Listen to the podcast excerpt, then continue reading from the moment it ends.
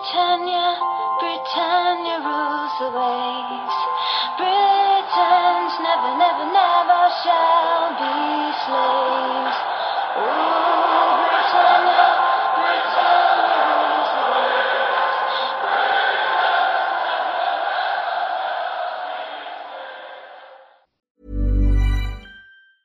Hiring for your small business? If you're not looking for professionals on LinkedIn, you're looking in the wrong place. That's like looking for your car keys in a fish tank.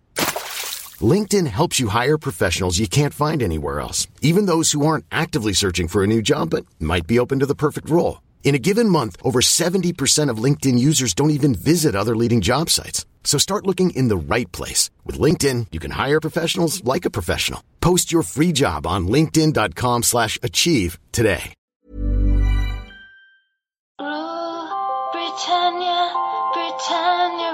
The waves. Britons never, never, never shall be slaves. Rule Britannia,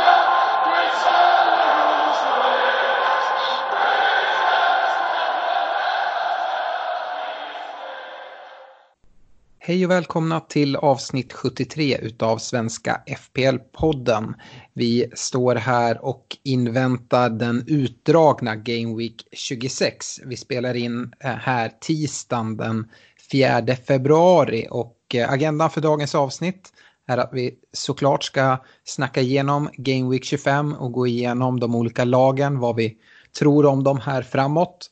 Vi ska kika in i poddligan kort kolla till poddlaget och uppdatera våra rekommendationer och sen beta av den drös med lyssnarfrågor som har kommit in. Men eh, innan dess så tackar vi Unisportstore.se, Dynamo Sports och Glenn Sports Bar till det fina prisbordet i poddligan. Nu är det även bekräftat att det blir två blanka Gameweeks i 28 och Eh, de lag som berörs är City, Arsenal, Villa och Sheffield. Det är lite oklart när de här matcherna kommer att spelas men eh, redan nu behöver man eh, lite planera så att man får ihop ett vettigt lag till Game Week 28. Stefan, matchgenomgången. Jag tänkte att du kan få börja där. Yes, jag börjar med Tottenham Manchester City som Tottenham vinner med 2-0. Och Eh, Tottenham börjar ju bli lite av en mardröm, mardrömsmotståndare för City då de återigen förlorar en match som de dominerar fullständigt mot eh, Tottenham. Eh, men hur man än vrider och vänder på det så kan man ju inte komma ifrån eh, och ställa sig frågan om den rätta skärpan verkligen finns i Manchester City här. Eh, nu har man en lätt hemmamatch innan eh, det här juluppehållet eh, och eh, sen när man kommer tillbaka efter det, ja men då är det dags för eh, Champions League-spel igen. Eh, City har dessutom troligtvis eh, en blank game week i 28, eller det vet vi att de har, men även kanske i 31 på grund av FA-cupen. Eh, dessutom ska de möta Leicester och United på bortaplan eh, här inför de här veckorna och det gör att jag troligtvis kommer gå helt utan City en period här. Eh, jag har inte helt bestämt mig, eh, men eh, den som eh, kan vara aktuell för min del i alla fall, Kevin De Bruyne, då han fortsatt eh, imponerar och får spela i den här offensiva rollen när de möter lite bättre, ral, eh, bättre lag. Eh, men jag tror att fördelarna med att släppa honom kommer att eh, väga över här eh, kommande veckor.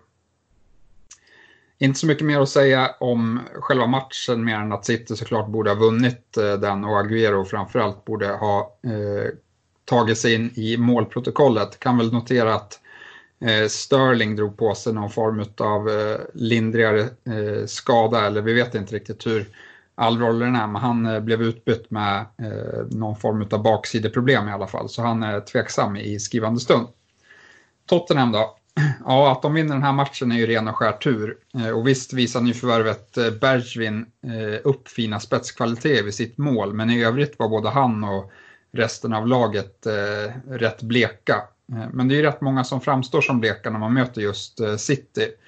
Eh, och jag tror att Spurs kan gå mot en bra vår då man kommer fightas om den sista Champions League-platsen. Och Mourinho har fått satt lite prägel på laget i det här transferfönstret. Dessutom så är Ndombele tillbaka från skada på mitten, vilket jag tror kan vara rätt viktigt för Tottenham. Eh, den som jag gillar mest av alla är ju Son i eh, Tottenham och jag håller honom som den troligaste målskytten och eventuellt så är han även straffskytt eh, när Kane nu är skadad.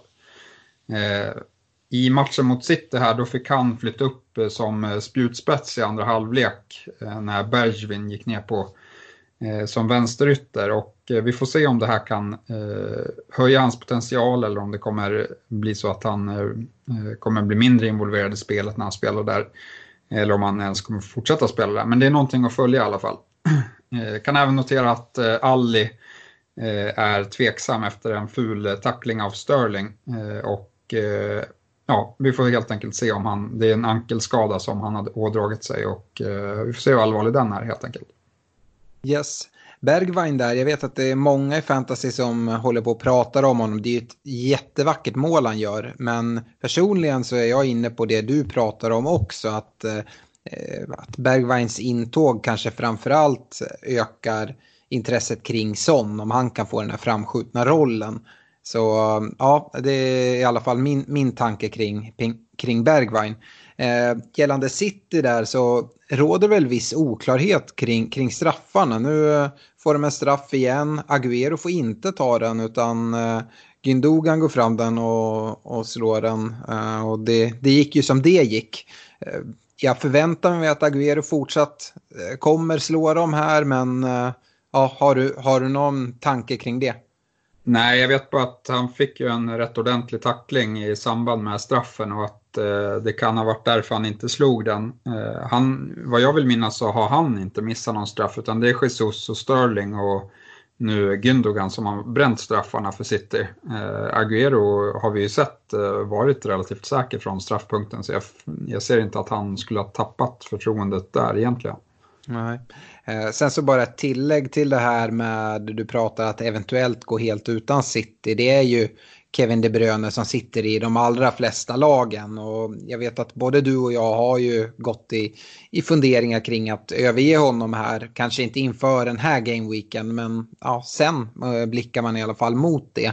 Och eh, det många dras för det är ju eh, de här värdeförändringarna. Man har uppbyggt värde i honom. Men vi förväntar oss väl ändå att han ska tappa en del i värde nu med blank i Game Week 28 och eh, förmodligen även en blank i, i 31 eller hur? Ja, precis. Jag tror att man kommer börja se lite försäljningar av De Bruyne redan efter nästa Game Week och sen lär det ju inte bli färre när de inte har några matcher så att han kommer nog kunna komma ner lite i pris. Yes. Jag går vidare och eh, det är till Liverpool Southampton. 4-0 till Liverpool men eh, ja, det är lite glädjesiffror. Jag vet inte om... Eh, jag tycker Liverpool ska vara glada att de kommer undan med en hållen nolla och det står ändå 0-0 i, i halvtid. Men eh, precis som vi var inne på i eh, förra avsnittet så behöver man ha Sala nu med Liverpools schema. Eh, speciellt när Mané är skadad.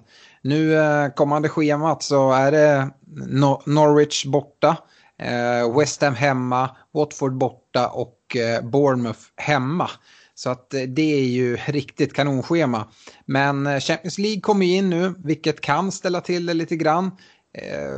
Det är Norwich borta nu i Game Week 26, men eh, bara några dagar senare så är det Atletico Madrid som väntar i eh, första matchen borta nere i Spanien. Så eh, det finns vissa, vissa osäkerheter kring just den matchen. Sen ska vi säga det att returmötet i, i Champions det spelas eh, efter de här fyra eh, Premier League-matcherna som jag räknar upp. Alltså efter Bournemouth hemma. Eh, om vi går tillbaka till matchen Liverpool-Southampton så står eh, Firmino för tre assist. Men konstigt nog så bonusmagneten Firmino hamnar ändå utanför bonuspoängen trots sina tre ass. Eh, och eh, det är ju Salah som tar alla tre. Eh, och eh, det är ju alla vi glada för som hade binden där. Eh, en fråga som lite fortfarande hänger löst i luften som jag skulle vilja bolla in dig på Stefan det är vad man gör med Mané. Det råder ju en del oklarheter fortfarande men eh, Ja, det är ju Champions League som, som kommer eh, efter Norwich. Tror du att eh, Mané kommer starta mot Norwich eller få nöja sig med ett inhopp eller inte vara med alls? Har du någon aning där? Nej, det är, det är för lite tidigt att säga skulle jag, eh, skulle jag väl, eh, är väl min analys nu. Men hur som helst så har man behållit Mané hit så skulle jag behålla honom ändå för att eh, det är en match vi pratar om och sen som du säger returen i Champions League då har de haft det här fina spelschemat och eh, eh jag tror att Mané kommer spela eh, mycket så att eh, jag kommer behålla honom och eh, råder till att göra det också. Mm. Man sätter väl kanske inte binden på honom där då det finns viss risk för att han kanske bara får ett inhopp mot Norwich dock. Ja, absolut. Och Salas form just nu, eh, där, där har jag binden eh, ganska eh, mycket i de här matcherna skulle jag tippa. Mm. Hur tänker du annars generellt sett kring Champions League-start och rotation? Tror du det finns någon risk för, för de populära ytterbackarna att kanske få, få någon vila här? Eventuellt. Eh, det kan hända. Alltså, men, men det man kan säga är väl att Klopp är en av de mer pålitligare managers när det kommer till rotation och att han inte brukar göra det. Eh, nu får vi se om, om han kommer släppa lite tyglarna i ligan då, då den känns avgjort eller om han bara vill liksom, få det matematiskt bekräftat att ligan är avgjord innan han börjar eh, rotera i, i, i den. Mm. Jag kan bara säga det, jag vet att vi även har en del lyssnarfrågor kring Liverpool, men eh, gällande kring rotation och sånt här, jag gör i alla fall inga antaganden innan jag verkligen ser någonting hända hos Liverpool, att de börjar rotera, utan innan jag ser det så kommer jag satsa fullt ut på Liverpool med det här spelschemat. Eh, en differential som finns och vissa har vänt sig mot är Henderson på mittfältet som på senare tid inte bara varit eh, väldigt bra utan även levererat poäng. Eh, personligen kommer jag inte att satsa på det ändå eh, då jag tycker att det finns mer intressanta alternativ men det är ju en billig Liverpool-spelare som förmodligen kommer spela en hel del men eh, ja, jag är osäker på den eh, fortsatta poängproduktionen ändå. Eh, och som jag nämnde i matchen mot SA-15 fick vi se en ny nolla även om den kan anses en aning turlig. Men eh, bortsett från nollan var faktiskt glädjeämnena kring de här ytterbackarna, Trent och Robertson, få. Där ingen för ovanlighetens skull lyckas skapa ett enda läge till någon lagkamrat. Om vi går in på SA-15 då så eh, fortsätter Ings att göra det bra även mot tuffast möjliga motstånd i form av Liverpool. Eh, han får till fyra avslut inne i boxen och med kommande fem eh, Burnley, Villa, West Ham, Newcastle och Norwich så kan man även kika mot fler SA-15-spelare. Jag gillar McCarthy i kassen och eller Stevens i försvaret beroende på hur hårt man vill satsa på SA-15s defensiv. Stefan, tycker du att det finns någon anledning att kolla mot någon annan offensiv spelare än Ings? Tidigare har vi ju ja, kanske framförallt tidigare säsonger har man kanske kollat lite mot Redmond till exempel.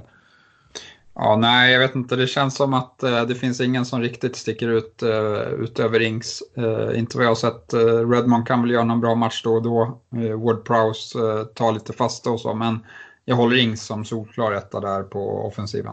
Mm, nej, Ings känns som en spelare som man nästan bör ha i sitt anfall just nu.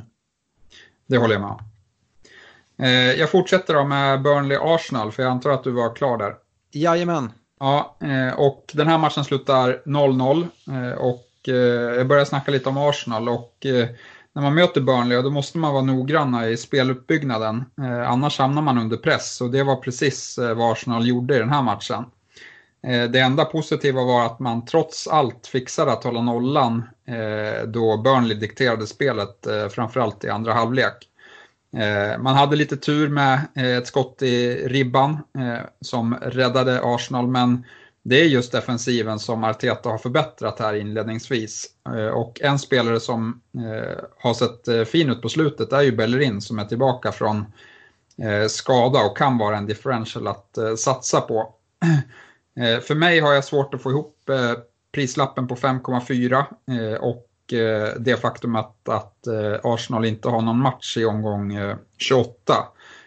Men de som har gått tidigt på Bellerin har fått utdelning och det kan komma mer sån också då han både är en bra bonusspelare men även kan leverera ass assist framförallt offensivt och något enstaka mål. Offensivt så skulle jag ju gå mot Aubameyang Eh, då han skulle kunna bära frukt i, eh, i och med att Arsenals kommande tre matcher är på Emirates. Eh, det som sätter käppar i hjulet är ju den här omgång 28 och hur, hur laget ser ut inför den. Men eh, Aubameyang är absolut en spelare som skulle kunna eh, göra skillnad och eh, i matchen mot Burnley så borde han ha gjort det bättre med de två fina chanser som han har. Eh, men eh, som sagt, han tar sig i alla fall dit. Eh, Burnley då? ja, man har verkligen skärpt till sig här de senaste omgångarna och skapat sig ett allt bättre läge i tabellen. Matcherna är helt okej, okay, men mitt intresse är ändå ganska ljummet. Försvaret lockar mest med Pope i spetsen. Sen tycker jag väl att Wood på topp och Eh, outsidern McNeil som har visat lite form på slutet eh, på mitten eh, kan vara differentials. Men det är just differentials-kategorin jag kastar in Burnley-spelarna i. Yes. Jag skulle vilja dröja mig kvar lite vid ditt kära Arsenal. Du pratade en del kring ja, anfallet där och framförallt då kring Aubameyang. Nu såg vi att eh, Pepe var den som fick eh, kliva åt sidan till förmån för eh, Martinelli. Martinelli har ju en prisbild som lockar. Eh, men han fick eh, kliva över på högerkanten där han inte imponerade riktigt. Vad, vad tror vi framåt? Jag tycker Lacazette har sett ganska svag ut samtidigt som jag tycker att PP kanske har sett lite bättre ut. Så att eh, jag hade på något sätt kanske förvänta mig att det var Lacazette som skulle sitta lite bänk. Hur, hur går dina tankar? Ja, det var mina tankar inför matchen. Eh, sen verkar Arteta verkligen vilja få igång Lacazette som är i en, eh, lång, en av de längsta eh, måltorkorna som han har haft i Arsenal. Eh, men vi får se om han fortsätter ge Lacazette chanser. Eh, annars, jag tror att det står mellan just eh, Lacazette och Martinelli som kommer få lämna startelvan till, till nästa match. Jag tror inte att de startar på, med samma lag. Sen kan man ju bara spekulera i, jag har inte läst någonting om att Eh, det skulle ha hänt något med PP här, men han får ju inte ens ett inhopp mot Burnley, vilket kan tyckas konstigt. Eh, så antingen så har det hänt något på träning som inte Arteta gillar, eller så är det bara att eh, han inte tycker att han eh, förtjänar en plats. Nej. Eh, jag går vidare med Leicester-Chelsea som eh, spelar oavgjort 2-2 och eh, håller topp 4-placeringen och kampen om fjärdeplatsen ganska öppen. Men jag börjar med Leicester och Leicester är väl det lag utav dem som är närmast de tre poängen. Men Jamie Vardy fortsätter att blanka och Harvey Barnes fortsätter att göra mål. Faktiskt tredje Premier League-matchen i rad. Vi får även se viktiga NDD kliva av på uppvärmningen då han fick eh, någon form av smärta i knät. Eh, man är ju närmast segern som sagt men man släpper in två mål på fasta situationer. Och, eh, ja, jag tycker att Ndidi är väldigt viktig för Leicesters spel så man övervakar där och kollar lite vad, vad som händer. Men eh, det jag tycker att vi behöver stanna upp lite vid det är ju Jamie Vardy. Och eh, du pratade nyss om Aubameyang. Jag tror att det är många som kanske lockas av att eh, göra ett sånt skifte. Eh, hur eh, ser du på Jamie Vardy? Vi vet ju vad en sån spelare kan leverera. Vi vet att eh, Leicester nu har Wolves borta och City hemma i kommande två matcher innan spelschemat vänder ordentligt. Ja, nej, jag tycker det här är en vattendelare och väldigt svårt. Eh, jag tror att jag kommer behålla Vardy eh, och eh, kanske hade plockat ut honom innan Chelsea-matchen om jag hade tagit det beslutet. Å andra sidan så imponerade han inte jättemycket mot Chelsea heller utan det verkar vara, hans form verkar vara på nedgång. Så jag vet inte, men, men det faktum att han spelar och att han gör det mot Norwich i omgång 28 gör att han ändå troligtvis sitter säker i mitt lag. Mm. Ja, för mig är det ju det. Antingen så eh, om man har en Liverpool-plats ledig kan man välja att gå på Firmino.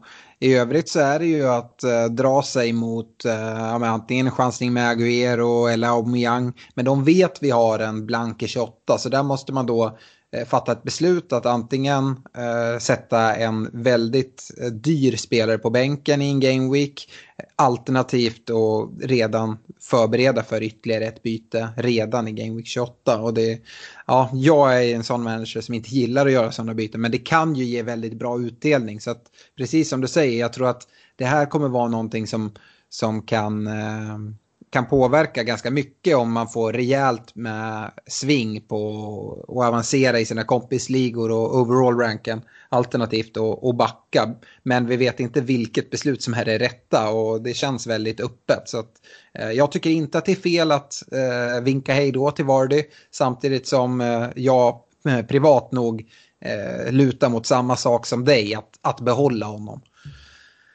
Om vi, om vi går till Chelsea eh, så har jag inte jättemycket att säga. Vi ser eh, den kritiserade målvakten Kepa bli bänkad i den här matchen till förmån för eh, Caballero. Jag vet inte om det är någonting som kommer fortsätta dock. Vi, det är väl ett mål som det är lite hårt att säga att han får ta på sig men han är lite ute och cyklar. Eh, dessutom så fick vi se Abraham som eh, spela med en viss smärta såg det ut som och det verkar hålla honom tillbaka något. Vi får väl se lite vad, vad som händer där. Även, även Chelsea har ju Champions League-spel uppkommande. Um, och ja, det känns inte som att Lampard riktigt litar på eh, ersättarna i Giroud och, och och eh, det ryktades ju en hel del här i januarifönstret om eh, någon forward men det kom ju inte in någon. Eh, den som gör målen i den här matchen det är ju faktiskt Rydiger som blir tvåmålsskytt och båda målen kommer på fasta situationer. Och, eh, riktigt starkt huvudspel från, från Rydiger. Yes, West Ham Brighton, en riktig Hawaii-match som slutar 3-3. Eh, och Brighton då, man fortsätter att släppa in eh, för många mål eh, utan att för den delen egentligen spela speciellt dåligt defensivt. Eh, jag gillar fortsatt Dunk som återigen hotar offensivt och tar en del direkta frisparkar faktiskt. Eh, jag håller även kvar min tro på Trossard som borde ha hamnat eh, i poängen i den här matchen. Spelschemat är helt okej okay på kort sikt, men det är just på kort sikt. Så ska man ha någon, eller ha någon från Brighton så är det just nu. På medellång sikt så ser det tuffare ut. West Ham då? Eh, ja, det ser ju ut som division 6-fotboll när West Hams mittbackar är i farten. Eh, nu ligger man på nedflyttningsplats och spelschemat är grymt tufft så jag tror vi får, vi får se om storsatsande West Ham ens kommer klara sig kvar i Premier League till nästa år. Eh, I fantasy så undviker jag helt och hållet. Yes, jag går till United Wolverhampton, en 0-0 historia och jag tänkte börja med United och då måste man ändå summera januarifönstret. Till slut så kommer ju Bruno Fernandes in, prisas till 8,0 i fantasy och eh, går direkt in som startspelare mot, mot Wolves trots att han bara gjort en träning med laget. Och om vi stannar upp lite på Bruno Fernandes så vet vi sedan Sporting att han har levererat en hel del poäng både i form av assist och mål Eh, de, de senaste säsongerna. Det är dessutom en spelare med väldigt fin fot och tar en del fasta situationer. Bland annat så har han eh, satt 20 av 22 straffar i karriären och nu när Rashford är borta så är det inte alls omöjligt att vi får se Fernandes kliva fram om det skulle bli någon straff. Eh, det är en spelare som tar en hel del gula kort, eh, eller har i alla fall varit så i Sporting. Han har tagit 11 stycken under den här säsongen i alla eh, turneringar. Men eh, äh, det är en intressant spelare och det som är mest intressant med honom är att han kan erbjuda poäng från lite olika håll, både med mål och med assist. Men jag tror huvudsaken av poängen bör komma från assist och att eh, målen kanske framförallt kommer vara via långskott och han har ett väldigt fint tillslag och kanske inte är den spelare som eh, fyller på allt för mycket in i boxen. Eh, det är en spelare som vi inte har sett i United-tröjan än, men som är klar, är ju en liten form av nödlösning med Rashfords skada, men ett lån av Igalo som alla Premier League-fantaster känner igen från hans eh, korta sejour i, i Watford där han faktiskt eh, blommade upp och sen så försvann ganska snabbt. Men eh, det behöver inte vara, vara en dum värvning för United, men eh, det är lite för tidigt att säga vad han kommer få för roll, om det är en startspelare eller om det mest är en tilltänkt backup även i Rushfords frånvaro. Eh, I övrigt får vi se eh, Brandon Williams sitta bänk efter tre raka starter. Och eh, ja, så är det väl med de här ungdomarna. Jag är rätt övertygad om att han kommer fortsatt få starter. Men kanske inte vecka efter vecka som vi sett tidigare. Så väljer man att gå på Billy Williams så bör man ha en bänk som även kan täcka upp för att han i några matcher kommer få inleda på bänken. Wolverhampton. Ja, viktige Boly i mittförsvaret är nu åter. Han har varit borta sedan Game Week 9. Och under de nio Game Week som han spelade så tog Wolves fyra utav sina totalt fem hållna nollor den här säsongen. Och eh, det tycker jag eh, visar mycket kring hur viktig Boly är. Eh, nu är han prisat till 4,7 vilket jag anser vara rätt bra om man letar efter försvarare då spelschemat ser ganska bra ut på lång sikt. Adama Traoré fick ta emot en hel del stryk och bland annat så hoppade hans axel ur led i matchen mot United och nu står han som gulflaggad för Game Week 26. Eh, då ska man ju dock veta att Wolves spelar först på fredag i nästa vecka i och med det här vinteruppehållet och den utdragna Game Week 26. Så att jag skulle inte tro att det ska vara några problem, men eh, osäkerhet finns ändå där ska man säga. Yes, jag fortsätter med Crystal Palace Sheffield eh, United som Sheffield vinner med eh, 1-0 på bortaplan. Och Wilder fortsätter sin magiska debutsäsong med, med Sheffield och nu är man faktiskt bara fem poäng från Champions League-plats. Eh, tyvärr för alla Lundström-ägare har, eh, nu, har han nu tappat eh, sin plats vad det verkar till nyförvärvet Sander Berge. Eh, och eh, precis som Arsenal eh, väntar det tre lätta hemmamatcher i rad för Sheffield, men man har en blank i Game Week 28 som strular till det. Eh, Henderson i kassen fortsätter imponera med tio nya pinnar här och en ersatt ersättare till Lundström skulle kunna vara O'Connell eller Igen eh, i backlinjen. Annars går man på den lite dyrare Stevens som eh, jag tycker är bättre utav de eh, lite dyrare backarna. Eh, sen så finns även billiga fläck på mitten eh, som alternativ. Men ja, jag säger investera gärna i Sheffield men glöm inte bort hur ni ska klara av omgång 28 när ni gör det. Jag kan väl tillägga lite om Lundström. Direkt när jag såg laguttagningen så då var jag helt säker på att Lundström skulle ryka. Nu har det Wilder uttalat sig rätt positivt om Lundströms inställning här efter matchen. Eh, och eh, det finns ett, eh, eller jag tycker att det finns ett case i att Wilder kanske kommer välja spelare lite efter match. Och då Sheffield har lättare hemmamatcher där man förväntas eller där man kommer gå för segern så är det inte helt otänkbart att Lundström eventuellt kommer få starta eh, igen. Men eh, det är bara spekulationer från min sida. Just nu ser det i alla fall ut som att det är Berge, Norwood och Fleck som är eh, prioriterade på mittfältet. Vill du tillägga något där? Ja, jag tänkte bara säga det om Sheffield att eh, precis som, som du är inne på så eh, är det väl så att det betyder inte att Lundström kanske eh, kommer sitta bänk resten av säsongen. Men eh, vi kommer ju definitivt inte se han så nailad som han har varit och starta vecka efter vecka. Det kan vi nog i alla fall konstatera. Dessutom att, att Wilder pratar så positivt om honom tror jag mycket har att göra med att han kommer fortsatt utnyttjas ganska mycket. Men kanske inte lika mycket som en startspelare utan mer som en eh, perfekt spelare att byta in i, ja, i slutet eller i mitten av andra halvlek. Sådär. Ja, det man kan säga i alla fall om Berge det är att han har sina främsta egenskaper som, eh, i defensiven, som en defensiv mittfältare och som en bra, lite bättre passningsspelare. Medan Lundström då är mer som en box-till-box och eh, erbjuder eh, ja, löpningar in i, in i straffområdet. Så det kan väl nämna lite om deras kvaliteter.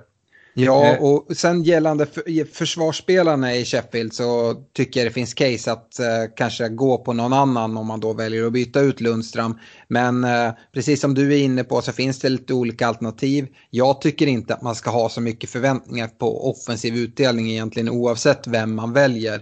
Så därför, det kanske talar för att man ändå ska gå på någon av de lite billigare alternativen. För att det är egentligen backningen för eventuella nollor som man framförallt köper in sig i på Sheffields försvar. Yes. Eh, Crystal Palace då? Eh, nej, trots eh, bra spelschema så undviker jag nog Palace eh, här och nu. Eh, min differential Tosun, han bekräftades ju skadad på presskonferensen inför matchen. Eh, och eh, Kelly har nu tappat sin plats i backlinjen eh, som jag var inne på i förra veckans podd att det kunde hända. Så just nu så undviker jag Palace helt. Yes. Watford-Everton, 2-3 till Everton och i, denna match är Everton en helt annan sak än förra veckan. Eh, då tappar man ju en 2-0-ledning på tilläggstid. Nu vänder man 0-2 underläge på bortaplan och både 1-2 och 2-2 gör man på tilläggstid av första halvlek. Samt att avgörande 3-2 målet görs i minut 90 med en man mindre på plan. Så att, eh, nej, det här Everton är ju svårt att riktigt få något grepp om. Eh, just utvisningen på Delf innebar även att Calvert Lewin byttes ut relativt tidigt. Med uppkommande spelschema kan det vara läge att minska sitt innehav i Everton. Calvert Lewin är ändå den Everton-spelare som jag tycker det finns störst intresse av att behålla. Watford, ja det här var andra raka förlusten för Watford och frågan är om man är på väg in i en lite sämre period. Eh, spelschemat som kommer gör ändå att jag håller mig borta som det är just nu. Eh, jag eh, övervakar situationen med Sarr och ser om han kommer tillbaka för det är en spelare som jag tycker har gjort det väldigt bra i Watford. Yes, och jag avslutar med Newcastle Norwich som slutar 0-0. Och vi börjar med Newcastle då och alla trogna poddlyssnare de vet ju vad jag tycker om Newcastle. Men man måste ju inse att eh, flytet fortsätter och poängen eh, fortsätter trilla in. Eh, och med de här matcherna som kommer nu för Newcastle så kanske det kan vara något att satsa på faktiskt efter juluppehållet då, när man har mött Arsenal borta. Jag scoutar i alla fall Matt Ritchie som är åter från skada. Han står som back men spelar mer som en, som en vänsterytter. Eh, han är dessutom deras främsta kreatör och tar eh, i princip alla fasta situationer. Det här är någonting som skulle kunna vara en riktig differential och eh, helt klart värt 5,3 med de här matcherna som kommer. Om det dessutom är så att Newcastle bekräftas att de har spelare i både Game Week 28 och i Game Week 31 så är det ju ett riktigt fynd skulle jag säga. Norwich, ja jag hoppas att Norwich klarar sig kvar i Premier League då de är roliga att kolla på. Eh, men jag inser samtidigt att det kommer att bli väldigt, väldigt svårt. Spelschemat är dessutom uselt nu och jag undviker dem i fantasy. Yes, jag vill skjuta in där på, på Newcastle när man ändå kollar mot försvararna. Jag håller med om att Matt Ritchie kan vara en intressant spelare. Dessutom, men det som talar emot honom det är den här äh, prislappen på 5,3 för en Newcastle-försvarare, även om man spelar mittfältare. Om man vill gå lite billigare i Newcastle så tycker jag att Newcastles kapten Lascelles, som har tappat i pris och är prisad 4,2, bör nämnas med de här matcherna. Eh, jag vet att många kollar på att hitta ersättare till budgetförsvarare som har tappat sina platser eh, i form av Kelly, eh, Rico till viss del, Lundström och så. Och då kanske Lasell skulle kunna vara en sån möjliggörare. Så att jag tycker ändå han är värt ett omnämnande. Sen så håller jag med dig om att Newcastle kanske inte är det lag som eh, man först och främst vänder sig till. Men eh, med spelschemat så skulle det kunna finnas ett case att gå på eh, kapten Lassells här som har kommit tillbaka från skada för inte så länge sedan. Eh, min sista match är Bournemouth-Aston Villa och den vinner Bournemouth med 2-1. Men jag börjar ändå med Villa för att Bournemouth är ett lag motsvarande Newcastle om du frågar mig. Och eh, i Aston Villa så går Grealish även poänglös i denna matchen. Men som vanligt inblandad i det mesta offensivt. Så han är en spelare som man sitter väldigt fint med i sitt lag. Eh, han har fem avslut, varav fyra i boxen och fem skapade lägen. Och jag tycker det säger det mesta. Aston Villa har blank i eh, 28 eh, då, man skulle, eh, då man eh, skulle ha mött Sheffield United. Så det måste man såklart planera för. Sen så, precis som jag nämnde förra veckan, så har man tagit in Samatta på topp och eh, han, eh, han gör ju mål eh, direkt eh, och eh, hans huvudspel är väldigt bra. Nu kommer det här målet på skallen men kanske inte det typiska nickmålet som man ändå tänker på. Men eh, det gör även att man kan nämna Matt Target i, i Villas försvar som jag gjorde redan förra veckan. Alltså Villa har ju bytt lite spelsystem och eh, spela med offensiva ytterbackar. Det gör även att Graylish kommer i ännu mer offensiva positioner. Så Graylish är ju den villa spelare som jag verkligen vill framhäva. Bournemouth då? Ja, eh, jag har inte jättemycket att säga om Bournemouth, men eh, Lerma blir utvisad efter två gula kort och missar nu nästa match. Inte för att det är så många som sitter med Lerma, men det är en eh, viktig defensiv kugge på mittfältet och att han kommer saknas gör Bournemouth ännu svagare. Dessutom så ligger han nu på nio gula, vilket betyder att nästa gula kort gör att han missar efterföljande två matcher. Jag tycker man gör bäst i att undvika Bournemouth. Yes, poddligan. Vi kikar in här och eh, det är faktiskt Joel Roge som har krigat sig tillbaka. Han tappade första platsen ett tag men gör en stark Game Week 25 med 77 poäng. Totalt ligger han på 1597 poäng så bara tre poäng till att bryta 1600 poängstrecket vilket är riktigt starkt. Eh, på andra plats hittar vi Marcus Edmundsson, 57 pinnar i Gameweeken och Eh, totalt 12 poäng bakom Joel. Eh, tredje plats Niklas Hamnefors 58 poäng i gameweeken, totalt 1582 poäng. Eh, poddlaget då, vi tar 63 poäng i, i Game Week 26 men gjorde ju ett dubbelbyte och minus 4 på det. Eh, men det dubbelbytet eh, är väl inget vi direkt ångrar, Stefan. Det var ju för att få in Sala och sätta kaptensbindeln där. Ja, nej, det var ju det bästa beslutet vi har tagit i år känns som så här på efterhand. Så att, eh, det känns bra. Eh, och sen avancerade vi lite i totalen. Eh, så att eh, det var också kul. Nu har vi väl lite problem här med, med Lundström då. Eh, men eh, samt hur man ska tänka med Game Week 28 och vilka spelare man bör prioritera här framöver. Vi har ju både Madison och Vardy kvar till exempel. Mm, precis. Uh, nej men det är väl Lundström som uh, ligger närmast uh, galgen och får tacka för sig. och där har vi diskuterat lite olika att antingen ta in, ta in Stevens och från, jag ska säga det, från Southampton då. Men vi sitter ju även med McCarthy i kassen så det skulle i så fall vara att dubbla upp i Southampton. Eh, det andra alternativet är ju att ersätta med en annan Sheffield-försvarare.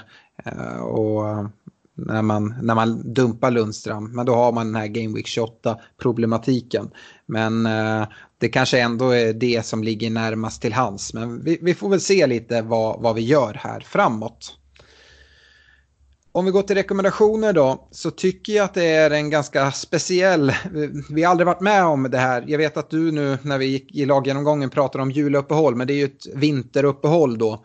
Eh, det, det ger ju att vi har en utdragen Game Week 26 och det är endast eh, fyra matcher som kommer spelas nu till helgen som vi kommer få presskonferenser för inför deadline.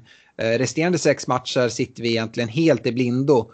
Och eh, framförallt tycker jag det ställer till det i, eh, i en kaptensdiskussion. Men dit kommer vi sen.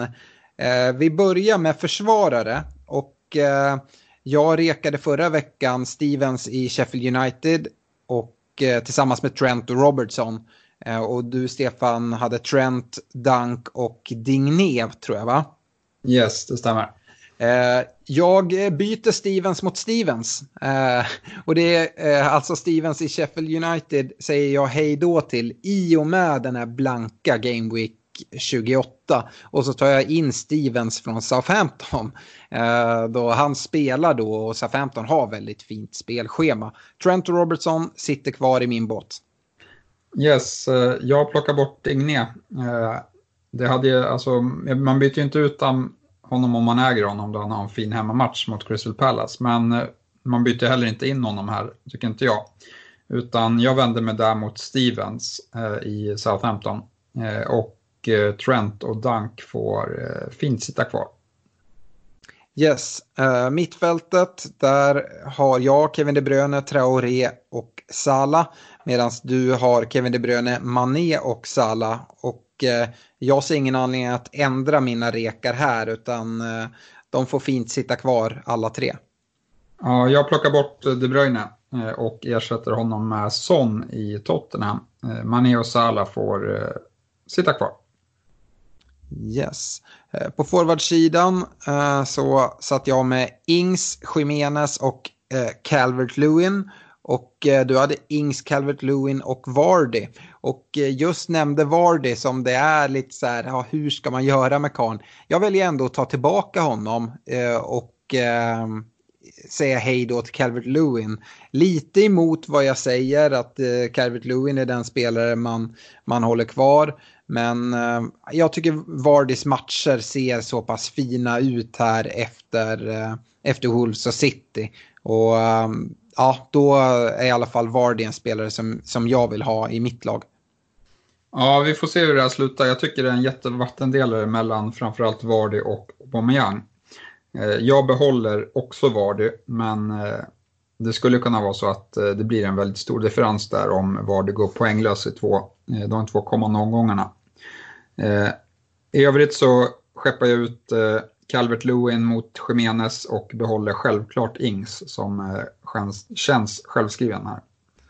Ja, för mig är Ings den, den forward som är enklast att eh, placera in i ett lag och skulle jag sitta i ett wildcard-lag så är Ings en av de första spelarna som skulle vara där, kanske tillsammans med eh, Mohamed Salah. Eh, Differential-sidan, eh, ägarandel under 10 procent Eh, vi har från min sida O'Connell i Sheffield, vi har Fleck i Sheffield och vi har Ducoré i Watford. Men eh, Watfords uppkommande schema, även om jag tycker Ducoré ser bra ut, han, får, han vinkar jag hej då och jag tar in eh, Stevens från Southampton som ägs av 2,9 procent. Yes, och för att inte säga samma sak som dig där så eh, skickar jag ut Tossun som jag har som är skadad nu eh, och ersätter honom med Igan i Sheffield. Igan är 0,1 billigare än O'Connell och eh, har faktiskt hotat en hel del på fasta situationer utan att få utdelning. Eh, så att jag plockar in honom där och behåller Trossard och Fläck som mina två övriga rekar. Och yes. Andel, anledningen till att uh, Sheffield-spelarna får vara här som differentials det är mer för att jag tänker på den här Game Week 28 och jag tycker att alla ska tänka till hur man ska klara den omgången på bra sätt. För jag tycker inte att det är värt att dra en free hit i den omgången till exempel. Då jag tror att free hit kommer bli mycket bättre att använda senare på säsongen. Jag håller helt med om, om chipstrategin där på, på free hit. Den gör man bäst i att behålla. Kaptensdiskussionen då inför Game Week 26. Jag tycker som sagt att det är någonting som sticker ut och eh, görs väldigt svårt. Vi har ju aldrig haft det här vinteruppehållet tidigare i, i fantasyhistorien eller i Premier League-historien. Eh, men eh, vad händer till exempel om eh, Salah går och, och drar på sig en skada här? Det är ju trots allt ganska långt kvar tills, eh, tills det är match. Eh, men annars är väl Salah ett av de absolut bästa alternativen. Det är ju Norwich som, som väntar och de spelar ju ganska naivt. Ja, nej, Salah ser jättefin ut också så att uh, han är bra. Sen finns det ju andra eh, lag som har bra matcher den här omgången, ska vi ju tilläggas. Det gör det absolut. Men om vi, om vi dröjer oss kvar med Liverpool där då. Känner du någon osäkerhet kring Salah sett till uh, Champions League-matchen som är tre dagar efter Norwich-matchen? Det är klart att det finns en oro att han byts ut tidigt där. Eh, det skulle jag säga att det är. Men du är inte rädd att han kommer börja på bänk?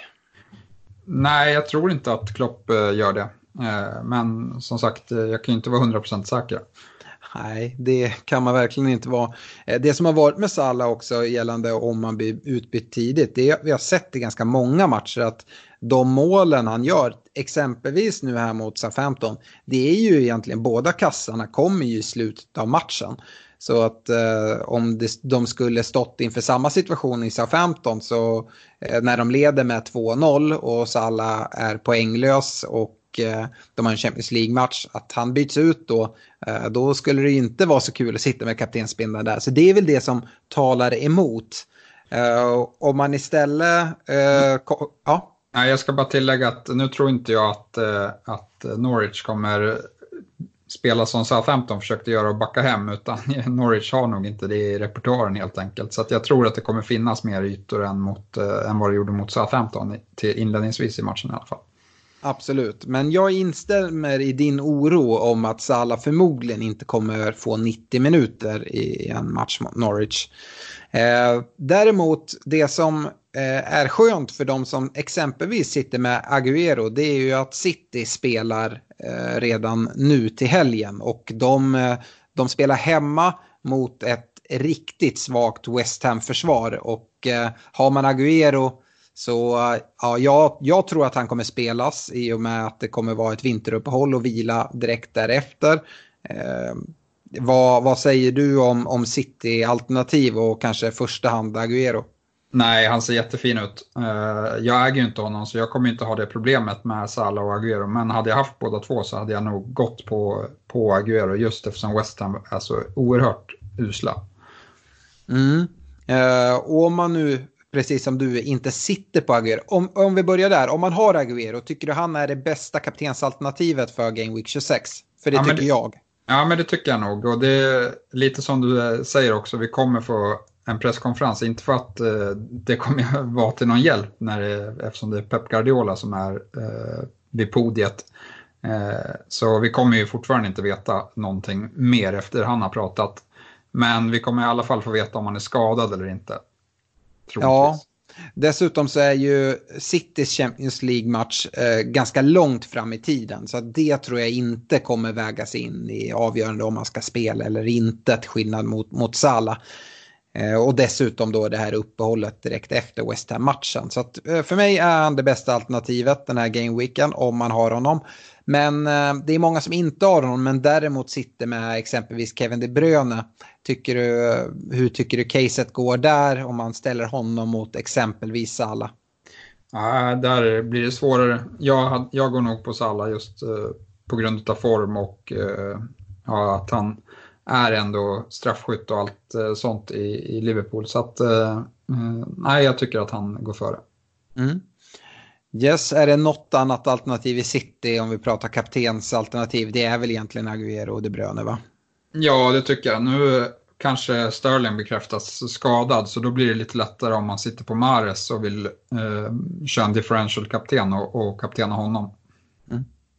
Eh, jag tycker egentligen att det är de två lagen det står mellan. Däremot om man har exempelvis Aubameyang så möter de Newcastle hemma på Emirates och ja, vad, vad har du att säga om ditt kära Arsenal? Nej, alltså, jag är inte jätteimponerad över offensiva spelet än så länge. Nu kanske det är väldigt bra för Arsenal att få, få det här vinteruppehållet och få träna ihop sig eh, mer under Arteta, under, liksom, när man inte har pressen på sig att man ska spela match om tre dagar hela tiden. Eh, så att eh, jag tror att breaket kommer bra för Arsenal eh, och kommer göra dem bra och förhoppningsvis så kommer de tillbaka och spelar ett eh, offensivare eller finare offensivt spel. Eh, men eh, det är bara så jag tänker och det behöver inte alls betyda att eh, Aubameyang eh, gör det bra mot Newcastle. Men, men jag har en god känsla inför honom i alla fall. Mm. Och uh, jag har egentligen inte skrivit ner några fler matcher för en kaptensdiskussion. Jag, jag, tror att det är Liverpool och City som Eh, de allra flesta kommer vända sig mot och de som eventuellt går utanför det tror jag lutar mot Aubameyang. Är det någon annan spelare eller något annat lag som du känner att vi bör lyfta i en sån här kaptensdiskussion i Game Week 26?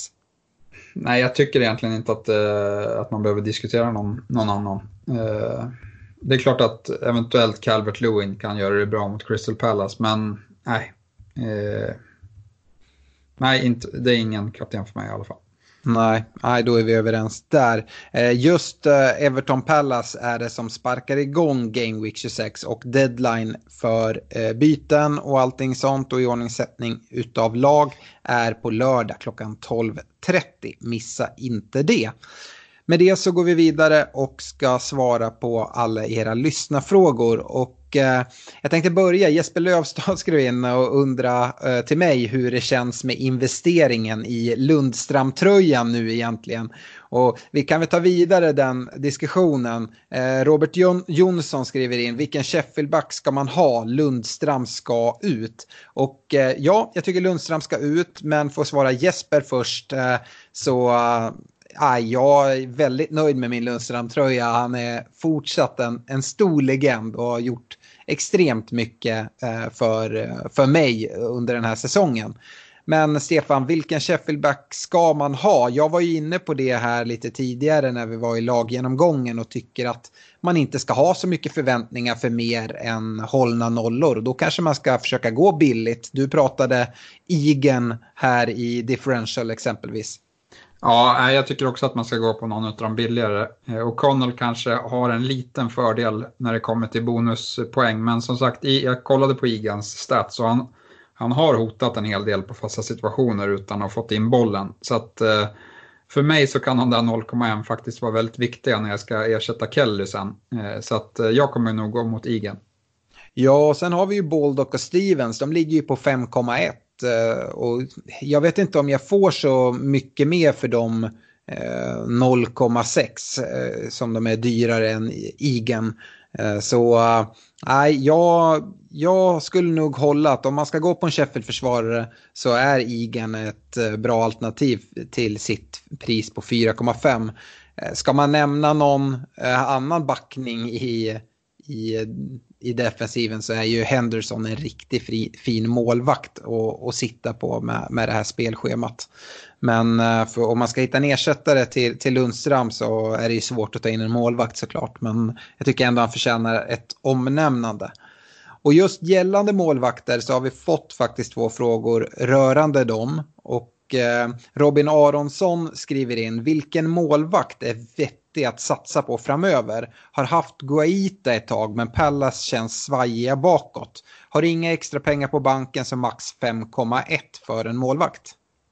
Ja, jag hade ju kikat på någon som spelar eh, hela tiden här eh, kommande omgång, alltså i 28 också. Eh, och då finns ju till exempel, man får väl nämna Pope som har gjort det bra på slutet, eh, som, som ändå spelar. Eh, annars har vi ju McCarthy i Southampton Eh, Dubravka kanske inte helt fel i Newcastle. Jag vet inte om han eh, klarar prisgränsen där. Jo, han är prisad 5,0. Ja. Eh, nej, det kanske är de och Ryan i Brighton.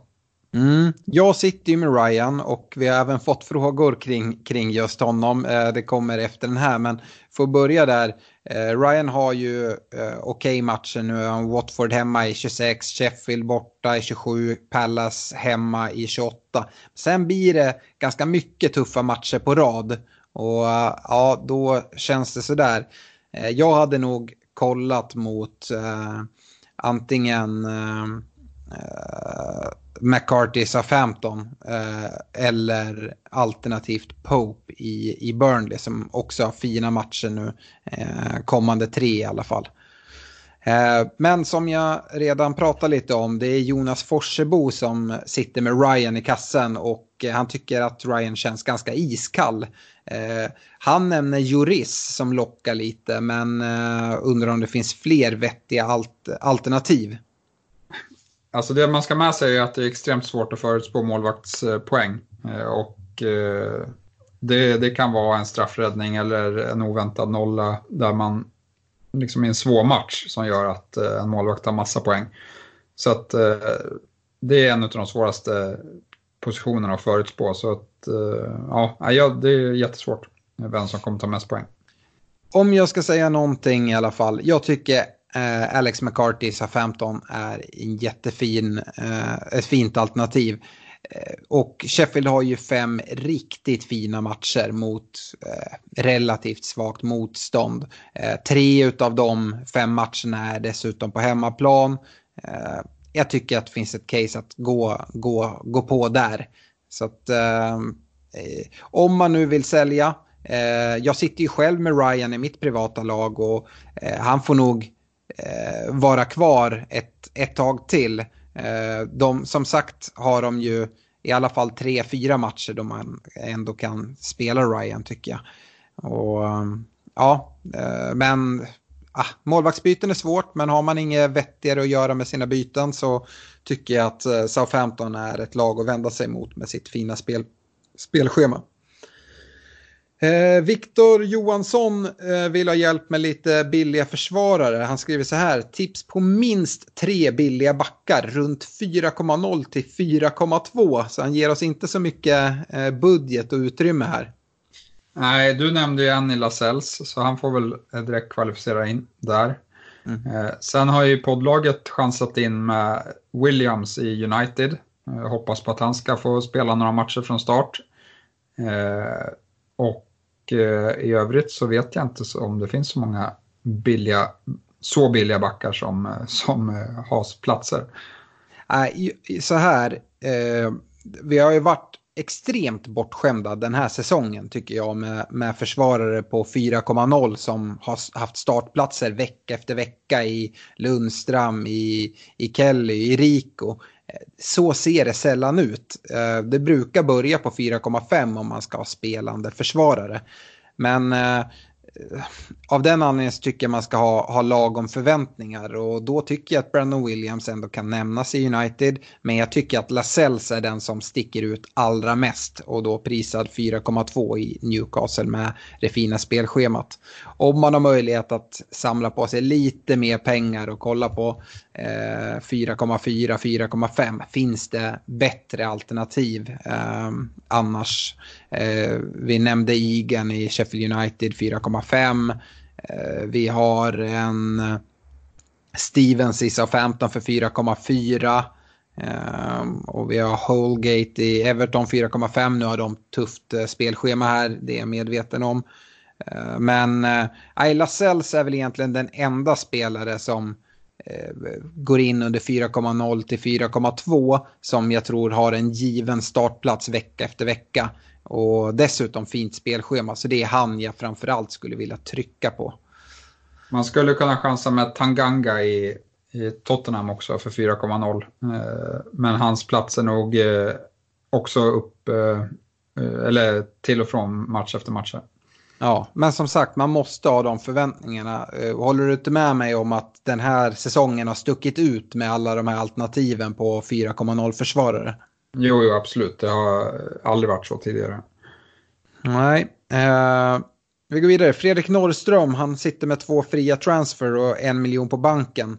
Hur hade vi prioriterat att byta ut eh, Martial, Madison och Greenwood?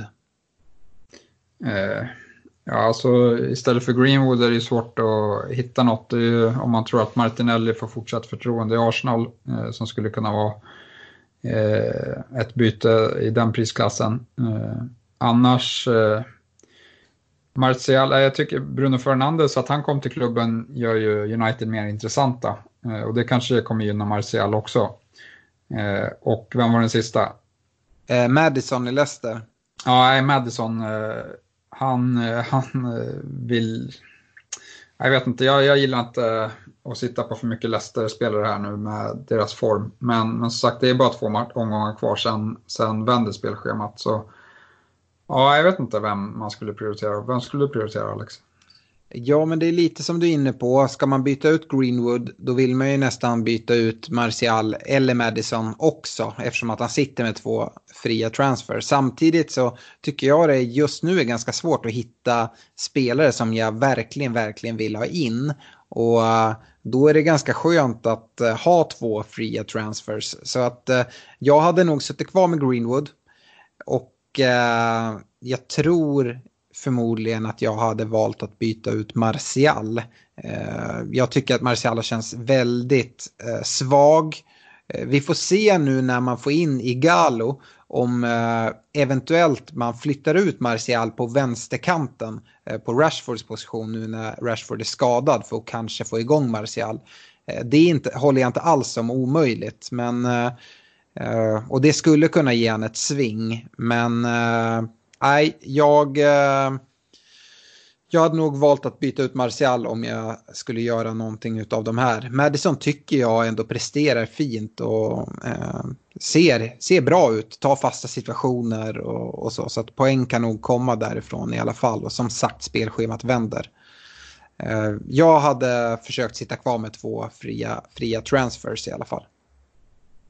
Eh, Jonathan Windahl pratar om det här bytet som vi i poddlaget gjorde tidigare och, eh, från då eh, Mané till Sala. Eh, men han skriver så här, om man inte har råd med bytet Mané till Sala, vad gör man då?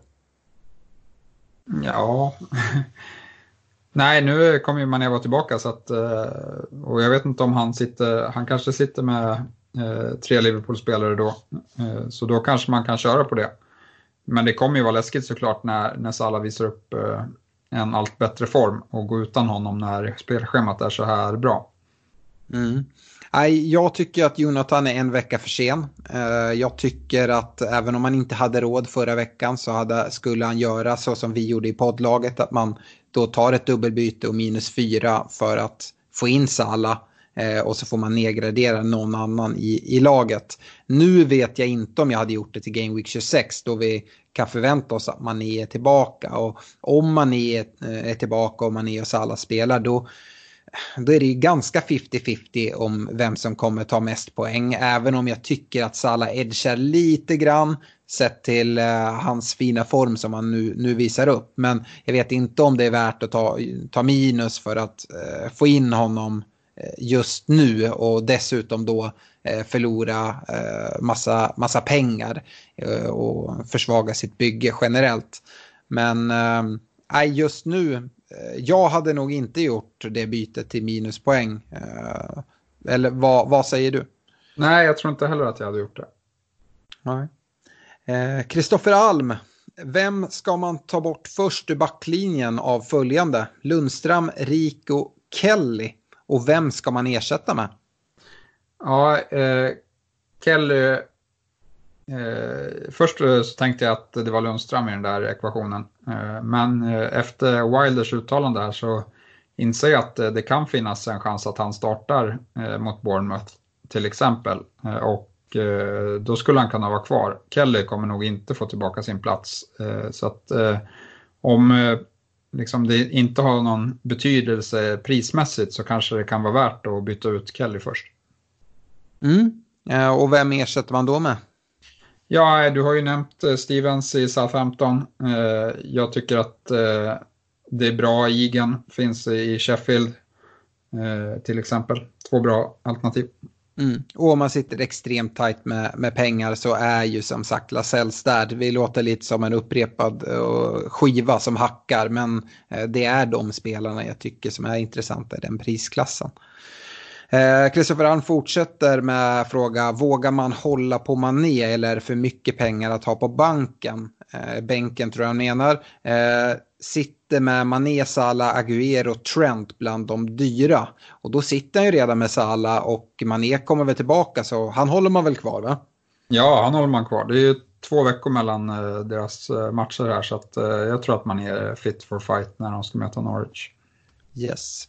Eh, André Widheim Ekelund, han har ju hållit på och tjatat om den här stackars Madison i Leicester och nu skriver han Madison ska ut nu, men vem tar man in? Jag har De Bruyne, Salah och Grealish. Ja, det är det som är problemet, att eh, det finns inte så många mittfältare som lockar i den priskategorin. En, en mittfältare som jag lockas av är Son. Jag hade inte gått på Berggren eh, då jag tycker att eh, det finns, ja, jag vill se mer Eh, utav honom innan, innan det. Men kollar vi på Madisons stats så är de fortsatt bra. Poängen har inte kommit men han fortsätter skapa chanser och känns ju faktiskt hetare än, än Vardy här på slutet. Så att eh, det kanske är rätt, rätt att hålla kvar Madison ändå. Ja, jag, jag instämmer med dig och eh, det är det jag tycker är det svåra. Jag hittar inte så många, många spelare jag vill få in i mitt lag. Och då tycker jag att man gott kan sitta kvar med Madison. Uh, ja, de övriga mittfältarna han nämner, De Bruyne, Salah och Grealish, de sitter man ju bra med. Det är väl De Bruyne då som man kan fundera på framåt. Inte inför den här gameweeken, men kanske därefter att uh, switcha ut honom. Och då kanske Son kan vara ett alternativ.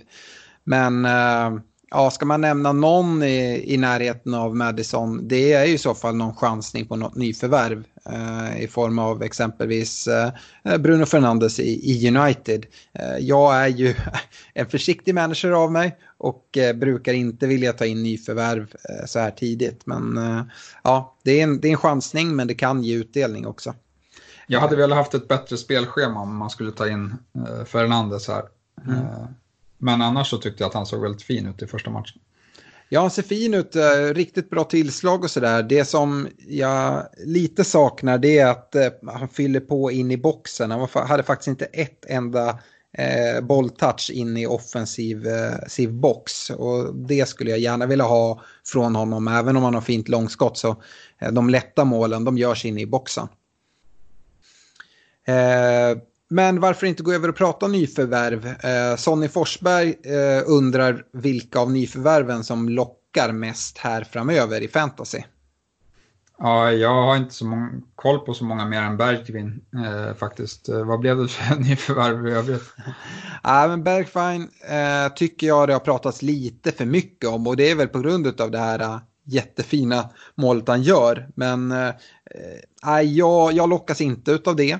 Eh, sen så har vi United i Igalo och eh, Bruno Fernandes. Jag tycker vi har pratat mycket Bruno Fernandes. Igalo tycker jag är för tidigt att prata om. Vi har inte sett han någonting och vi vet inte om han är tilltänkt startspelare ens.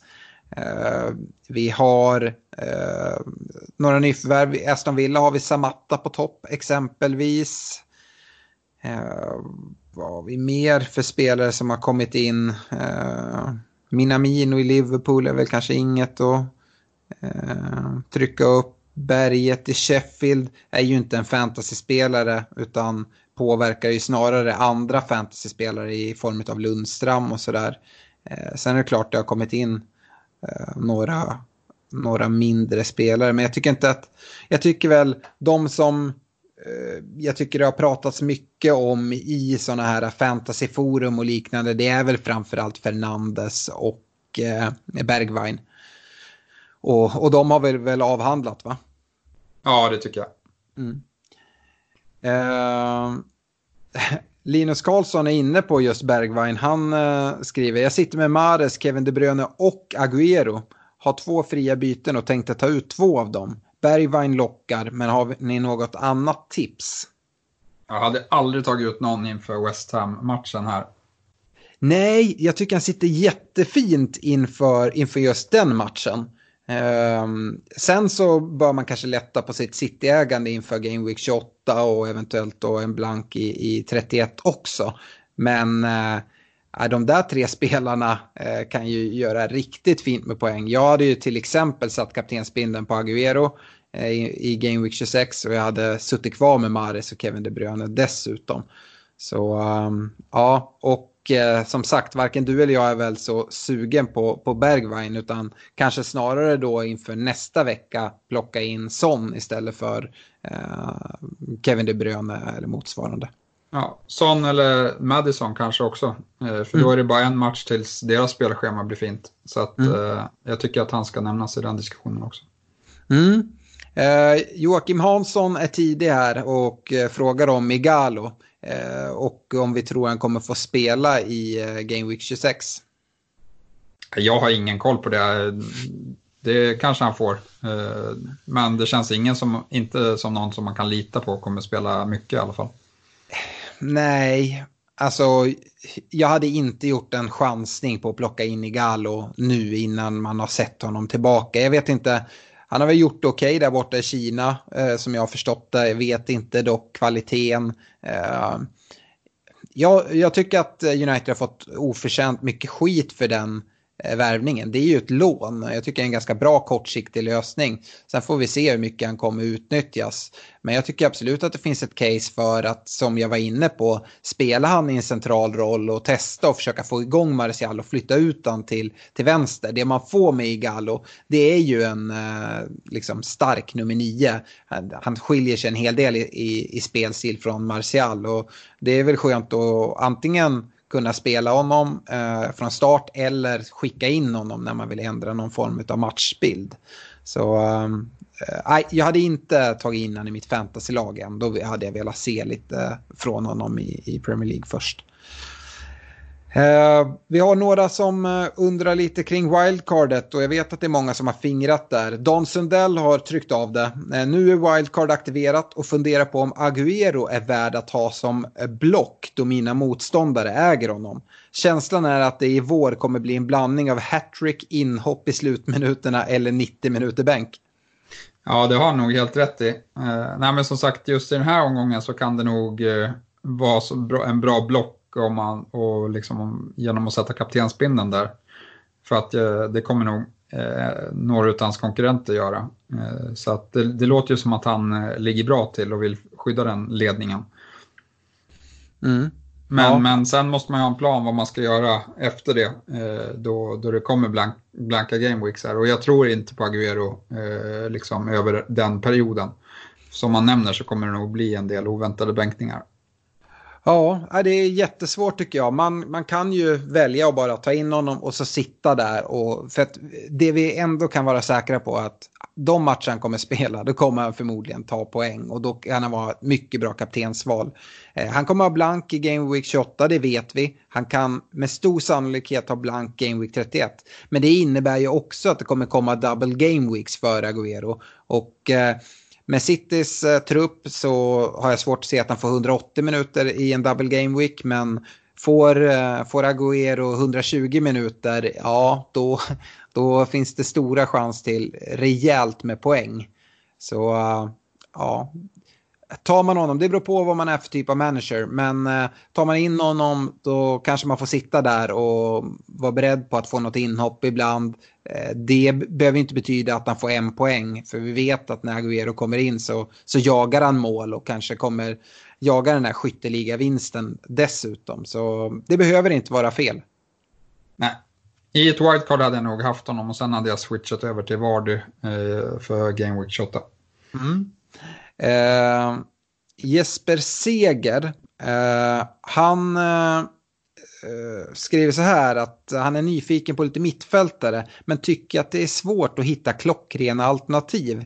Och undrar om vi kan lyfta ett gäng mittfältare. Han skriver 58 stycken, men vi har några stycken i alla fall som vi tror mycket på eh, kommande Game Week. Eh, då vet jag inte om han menar bara Game Week 26. Och sen så sa han det, gärna från alla prisklasser, från premium mellan till de riktigt billiga. Då börjar jag. Sala. Det är premium. ja, Fläck. Det är inte premium. Nej. Eh, och så. Ja. ja, det är ju det är bra, bra spelare allihopa, eh, tycker jag. Eh, jag tycker att Grealish ska nämnas. Eh, jag vet, de möter Tottenham nu i Game Week 26, men jag tycker Grealish är en jättefin spelare oavsett. Ehm, jag eh, tror även eh, fortsatt på Traoré. Han står gulmarkerad, men eh, jag tror ändå att han kommer komma till spel. Han, han har Leicester hemma och sen Norwich hemma i Game Week 27. De har ett fint spelschema här framåt. Och Traoré tycker jag är en spelare man absolut kan, kan kika mot. För att nämna några som inte du har nämnt. Eh, vad har du att säga om Harvey Barnes i Leicester som eh, presterar riktigt bra just nu? Ja, nej, det kan absolut vara en differential att köra på. De har ju som sagt två svårare matcher här kommande, så där är jag inte så jättesugen. Men sen när spelschemat blir bättre så kan han vara en differential. Mm. Eh, men jag håller med honom att det är svårt att hitta klockrena alternativ. Och nästa fråga som, som Jesper har det är det här hur vi tänker kring wildcard.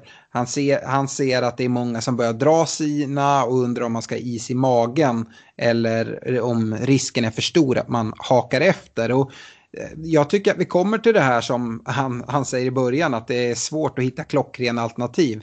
jag hittar inte så många spelare jag vill ta in just nu. Och då känns det Eh, lite dumt att dra ett wildcard om man inte har jätte, jättestora problem. Men det tycker jag det är ganska få som har. Jag tror att gör man en ehm, två, tre byten så får man ordning på sitt lag. Och då hade jag sparat mitt wildcard. Vad, vad tänker du? Ja, absolut. Jag kommer spara mitt wildcard eh, längre fram i säsongen. Vi kommer ju ha en väldigt speciell säsong där ligan kommer vara avgjord. Eh, så att Liverpool och City, hur de agerar kommer ju liksom det kom, de kommer ju inte agera normalt i slutet av säsongen. Eh, om, liksom som, som att de hade haft något att spela för. Eh, så att eh, det kommer vara väldigt annorlunda i år. Eh, och eh, baserat på liksom, när vi får mer information eh, om hur det artar sig när ligan är avgjord, ja, men då kommer ett wildcard vara så extremt värdefullt att ha i slutet tror jag. Speciellt också skulle jag säga uh, vad som händer nu här i Champions League. Säg att City åker ut mot uh, ett Real Madrid, vilket inte alls är omöjligt och Real verkar ha vaknat till ordentligt uh, där nere i Spanien. Då tycker jag att City-alternativen känns mer lockande. Samma kan vara med Liverpool. Vi har sett dem gå bra men de möter Atletico Madrid och de har haft lite tyngre men det är ändå ett klurigt lag och det känns som ett lag som Eh, skulle kunna eh, ställa till med problem för Liverpool om eh, de har, har rätt dag där. Och som sagt, åker man ut från Champions League, ja, men då blir det en helt annan situation. Så eh, jag vill gärna få lite mer svar hur de här blanka och dubbla gameweeksen kommer se ut och hur, vilka lag som är kvar i Europaspel och sånt innan jag drar mitt wildcard. Eh, dessutom som sagt den största anledningen till att jag inte vill dra det nu det är för att jag inte har en aning om vilka spelare jag vill, verkligen vill satsa på. Utan när det är så svårt och det är så mycket som är öppet då är det risk att man tar in ett wildcard-lag och sen om någon omgång bara då helt plötsligt vill man ha helt andra spelare. Så att eh, nej, jag avvaktar. Eh, vi har två avslutande frågor om Liverpool och eh, Oskar Fransén skriver det. Hur ska man tänka? Kommer det vilas mycket på grund av Champions League här i Liverpool? Jag tror inte det. Jag tror att det har gått eh, hur många år, jag vet inte, sedan de vann ligan. De kommer vilja säkra det så fort som möjligt, är min eh, övertygelse. Mm. Nej, det, jag tror att det kommer manageras minuter. Eh, men jag tror att de kommer spela ganska starka elvor här ett, ett tag till. Eh, eh Linus Hultstrand eh, med en avslutande fråga här från Facebook är kopplat till backlinjen. Hur spikad är Gomes i Liverpools startelva? Ja, han verkar ju vara eh, ganska nailad skulle jag säga. Ja, jag, jag, skulle nog också säga det. Och jag tror om vi börjar prata rotation och om ligan till och med rent eh, teoretiskt är, eller i praktiken är avklarad Eh, då är väl det en spelare som man borde ge så mycket speltid som möjligt. Det är ju en ung lovande spelare som eh, ja, ska ha mycket speltid och, och, spelas in i den här rollen. Jag ser ju mycket större framtid i honom än en spelare som Lovren, för att ta det exemplet. Så, så Gomes uh, tycker jag är ett uh, ja, men, budgetalternativ i, i Liverpools uh, annars väldigt eh, dyra men kanske trots det dyra då prisvärda eh, backlinje.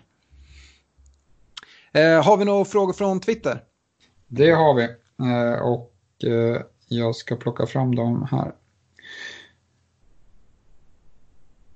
Eh, yes, första frågan från FPL Filip. Jag har Soyuncu, Kelly, Lundström och Sidebi i backlinjen. Känns som jag måste städa upp. Vem ska bort och vem ska ersätta? Mm. Eh, om man bara tänker kortsiktigt så tycker jag att Sidebe sitter man ju kvar med den här gameweeken. Eh, det, det är Pallas eh, som väntar eh, hemma. Och det är absolut en match man kan sitta med honom. Därefter så, så är ju han en eh, lite dyrare back och då är det lättare att hitta alternativ där. Eh, så han kan man ta ut sen. som vi har pratat om tidigare, Eh, Jonsson nämnde han och Kelly va? Ja. Eh, Jonsson har ju sin, sin startplats i alla fall, det är inte Kelly. Så Kelly är ju den jag hade prioriterat först att eh, switcha bort. Eh, sen så, så Jonsson, ja, absolut, Leicester har inte sett jättebra ut och man kanske inte är supersugen att spela honom. Eh, det är, ja, nu möter de, är det Wolves de möter nu i 26an va? Yes. Eh, borta, visst det är en tuff match men eh, det är inte omöjligt att hålla nollan. Game Week 27 City, den är tuff men sen är det ju bra matcher. Då, då vill man nog ha en, en Leicester-försvarare. Så så hade jag nog kanske inte prioriterat att byta ut. Men, men Kelly måste bort, eh, bort med honom och sen kanske Pereira i, i nästa Game Week. Sidebe. Ja, han hade även Lundström, så att, uh, han har ju lite problem där i backlinjen. Mm, absolut, men jag hade ändå prioriterat Kelly nu uh, och sen så uh, Sidebe eller Lundström efter det. Uh, Suyunsho hade jag nog suttit kvar med. Uh, jag tycker att det, de andra problemen är mycket större. Instämmer. Kalles på samma tema, vilka billiga backar ska man satsa på? Eh, det har vi pratat om. Eh, om man ska gå superbilligt så är det ju Lasells som jag tycker eh, sticker ut. Går man, menar man billigt med runt 4,5-4,6 ja men då har vi Igan i, i Sheffield United. Vi har Stevens i, i Southampton och sådär. Ja, jag tycker vi har pratat om de här spelarna men det är de som jag tycker är värda att nämna. William Widblom, ska man chansa på Bergvin eh, måste jaga i kompisligan? Ja, det ska ju vara för att man jagar då, men eh, jag vet inte. Eh, jag kan eh, ge ett, eh, ge ett tips om man kollar på att jaga i sin kompisliga. Det finns en hemsida som är gratis att använda som heter FPL Game Week. Så om man går in på fplgameweek.com så kan man logga in eh, ganska enkelt och se sitt lag och se sin specifika kompisliga och se vilka spelare som är differentials i just den Eh, kompisligan man har. Man får en väldigt bra översikt. Så eh, där kan man gå in och kolla. Det skulle ju kunna vara så, skulle jag gissa, att Son också kan vara en differential i din din liga och då tycker jag han är ett bättre alternativ, alternativ än eh, Bergwijn. Yes, Björn Jönsson på lite samma tema. Om man ligger 150 poäng efter sin miniliga och det enda som gäller är seger. Vilka chansningar hade ni gått på? Inget fegande nu. Det är ju fel människor att fråga, för jag är ju en fegis i botten. Eh, eh, men eh, ja, som sagt, i just den ligan, jag refererar återigen till FBL Game Week och då man kan få koll för att det behöver inte vara en spelare med ägarandel under 1% för att verkligen sticka ut i sin liga utan Eh, i, i sina olika kompisligor så är, eh, kan det vara en spelare med ganska hög ägarandel som, som många går ut utan. Tänk till exempel nu med Mané. Är det många som har skeppat Mané så skulle det kunna vara så att även, nu ska jag se så jag eh, kika upp nu direkt. Eh, Mané, han, går man in på honom ser man han har en ägarandel totalt nu på 21,9 procent. Men den effektiva ägarandelen i din kompisliga är, tror jag inte är på 22 procent. Så att Mané skulle kunna vara en sån spelare som man verkligen kan sticka ut med. Och eh, där kan man även slänga in en bindel här framåt. Kanske inte nu i Game Week 26, det tycker jag är lite väl eh, kaxigt. Men med det här fina spelschemat Liverpool har. Så där finns det. Man skulle även kunna gå på differentials i Liverpool. Uh, nu tänker jag lite mer wild and crazy än vad, vad jag har gjort uh, i mitt lag. Men Henderson i Liverpool till exempel. Uh, han, han tar en hel del poäng just nu och med det här spelschemat, jag tycker hans startplats känns eh, mer nailad än någon annan i Liverpool i stort sett. Så ja, det är lite wild and crazy drag. Yes, jag hade kikat eh, framförallt mot Son och Aubameyang som jag tror inte är alltför högt ägda heller. Nej. Jag hade verkligen sett till att haft Salah och Ings, det är de enda två som jag liksom inte vill gå utan här. Nej, oavsett egentligen hur, hur dina kompisar i ligan eh, har spelare, för de antar jag är högt ägda, men eh, Salah och, och Ings, de, de behöver man ha.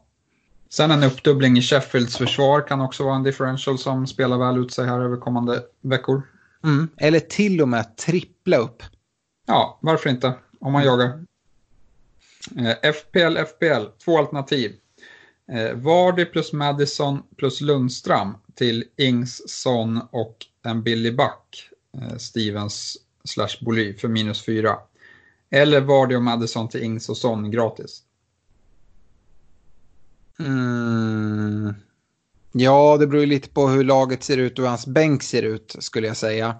Eh, om man är tvungen att spela Lundström så kan det vara värt minus. Jag gillar ju verkligen eh, Vardy och Madison till, till Ings och, eh, och Son. Det gör jag. Eh, men eh, jag tror att man kommer vilja ha tillbaka någon Leicester-täckning här, eh, här framåt. Eh, efter City-matchen i Game Week 27. Eh, men det kanske man kan lösa i alla fall om man sitter med någon City-spelare. Så inför Game Week 28 då Citys blank kommer så, så skulle man ju kunna ja, men växla över eh, Kevin De Bruyne till en Madison eller motsvarande exempelvis. Eh, men gällande om det är värt att ta minus fyra för att ta ut Lundström. jag hade inte gjort det Eh, till den här gameweeken om jag inte hade haft problem med att få ihop lag och varit tvungen att spela eh, Lundström. Eh, då hade jag inte gjort det. Då hade jag nog väntat med det bytet till, till lite senare. Hur, hur tänker du? Nej, han har problem, men jag hade ändå inte tagit minus för en back för att det, det kommer aldrig betala igen sig. Det ska extremt mycket till om det ska betala igen sig. Mm. Så att eh, det hade jag inte tagit minus för. Eh, han kommer få spela Lasells, men han kan ju chansa med att Lundström får starta till exempel. Och om det händer så kommer ju Lundström vara en differential för att det kommer vara väldigt många som byter ut honom.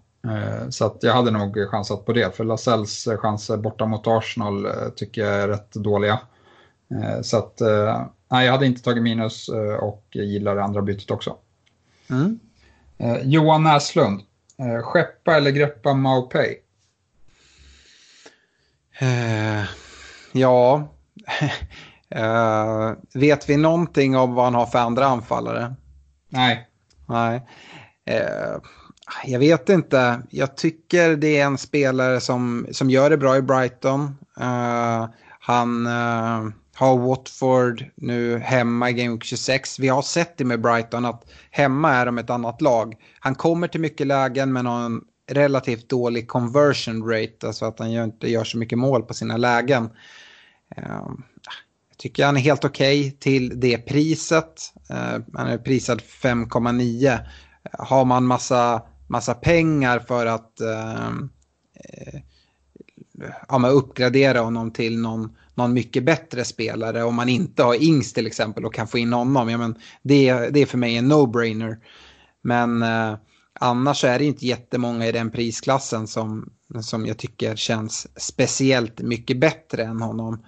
Eh, så äh, äh, Mopay 5,9 helt okej. Okay. Eventuellt skulle man kunna gå mot, eh, mot Sheffield United eh, och med deras fina spelschema. Men då har man den blanken i 28. Eh, det jag tänker på är väl egentligen eh, McBurney i första hand.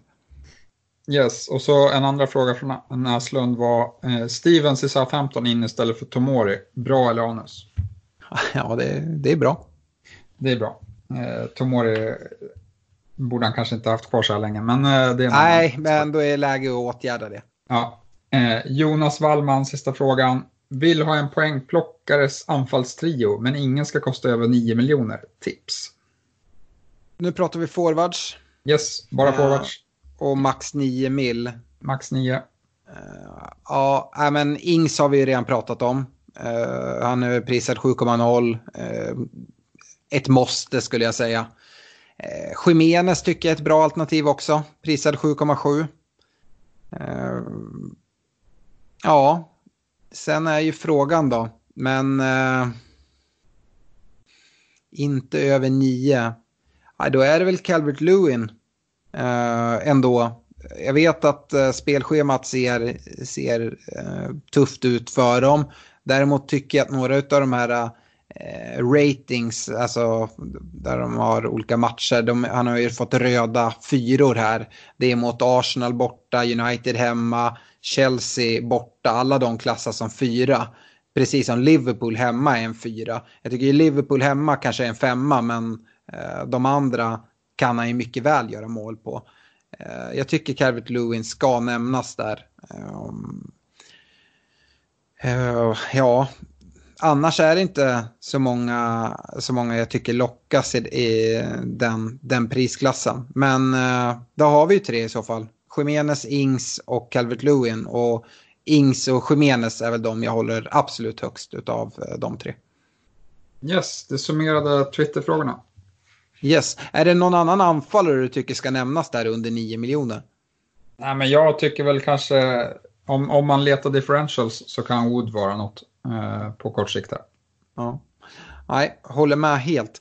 Eh, vi kan väl säga det, det är en utdragen Game Week här, Game Week 26. Vi har inte riktigt bestämt hur vi ska göra i nästa vecka då vi kommer vara mitt i Game Week 26. Eh, vi får se om vi kastar in ett avsnitt där vi kanske gräver lite djupt i statistiken. Jag vet att det är många som har uppskattat det och det var länge sedan vi gjorde det. Så eh, vi får se om vi mm, dels hittar tid för att göra ett sånt avsnitt. Men eh, det kommer i alla fall inte bli ett sånt här ordinarie avsnitt i nästa vecka.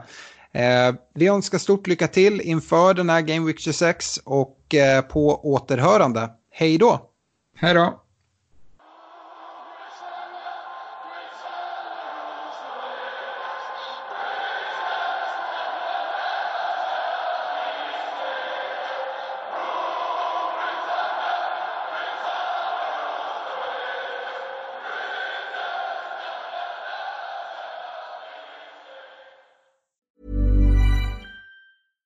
Ever catch yourself eating the same flavorless dinner three days in a row? Dreaming of something better? Well, HelloFresh is your guilt-free dream come true, baby. It's me, Kiki Palmer. Let's wake up those taste buds with hot, juicy pecan-crusted chicken or garlic butter shrimp scampi. Mm. Hello Fresh.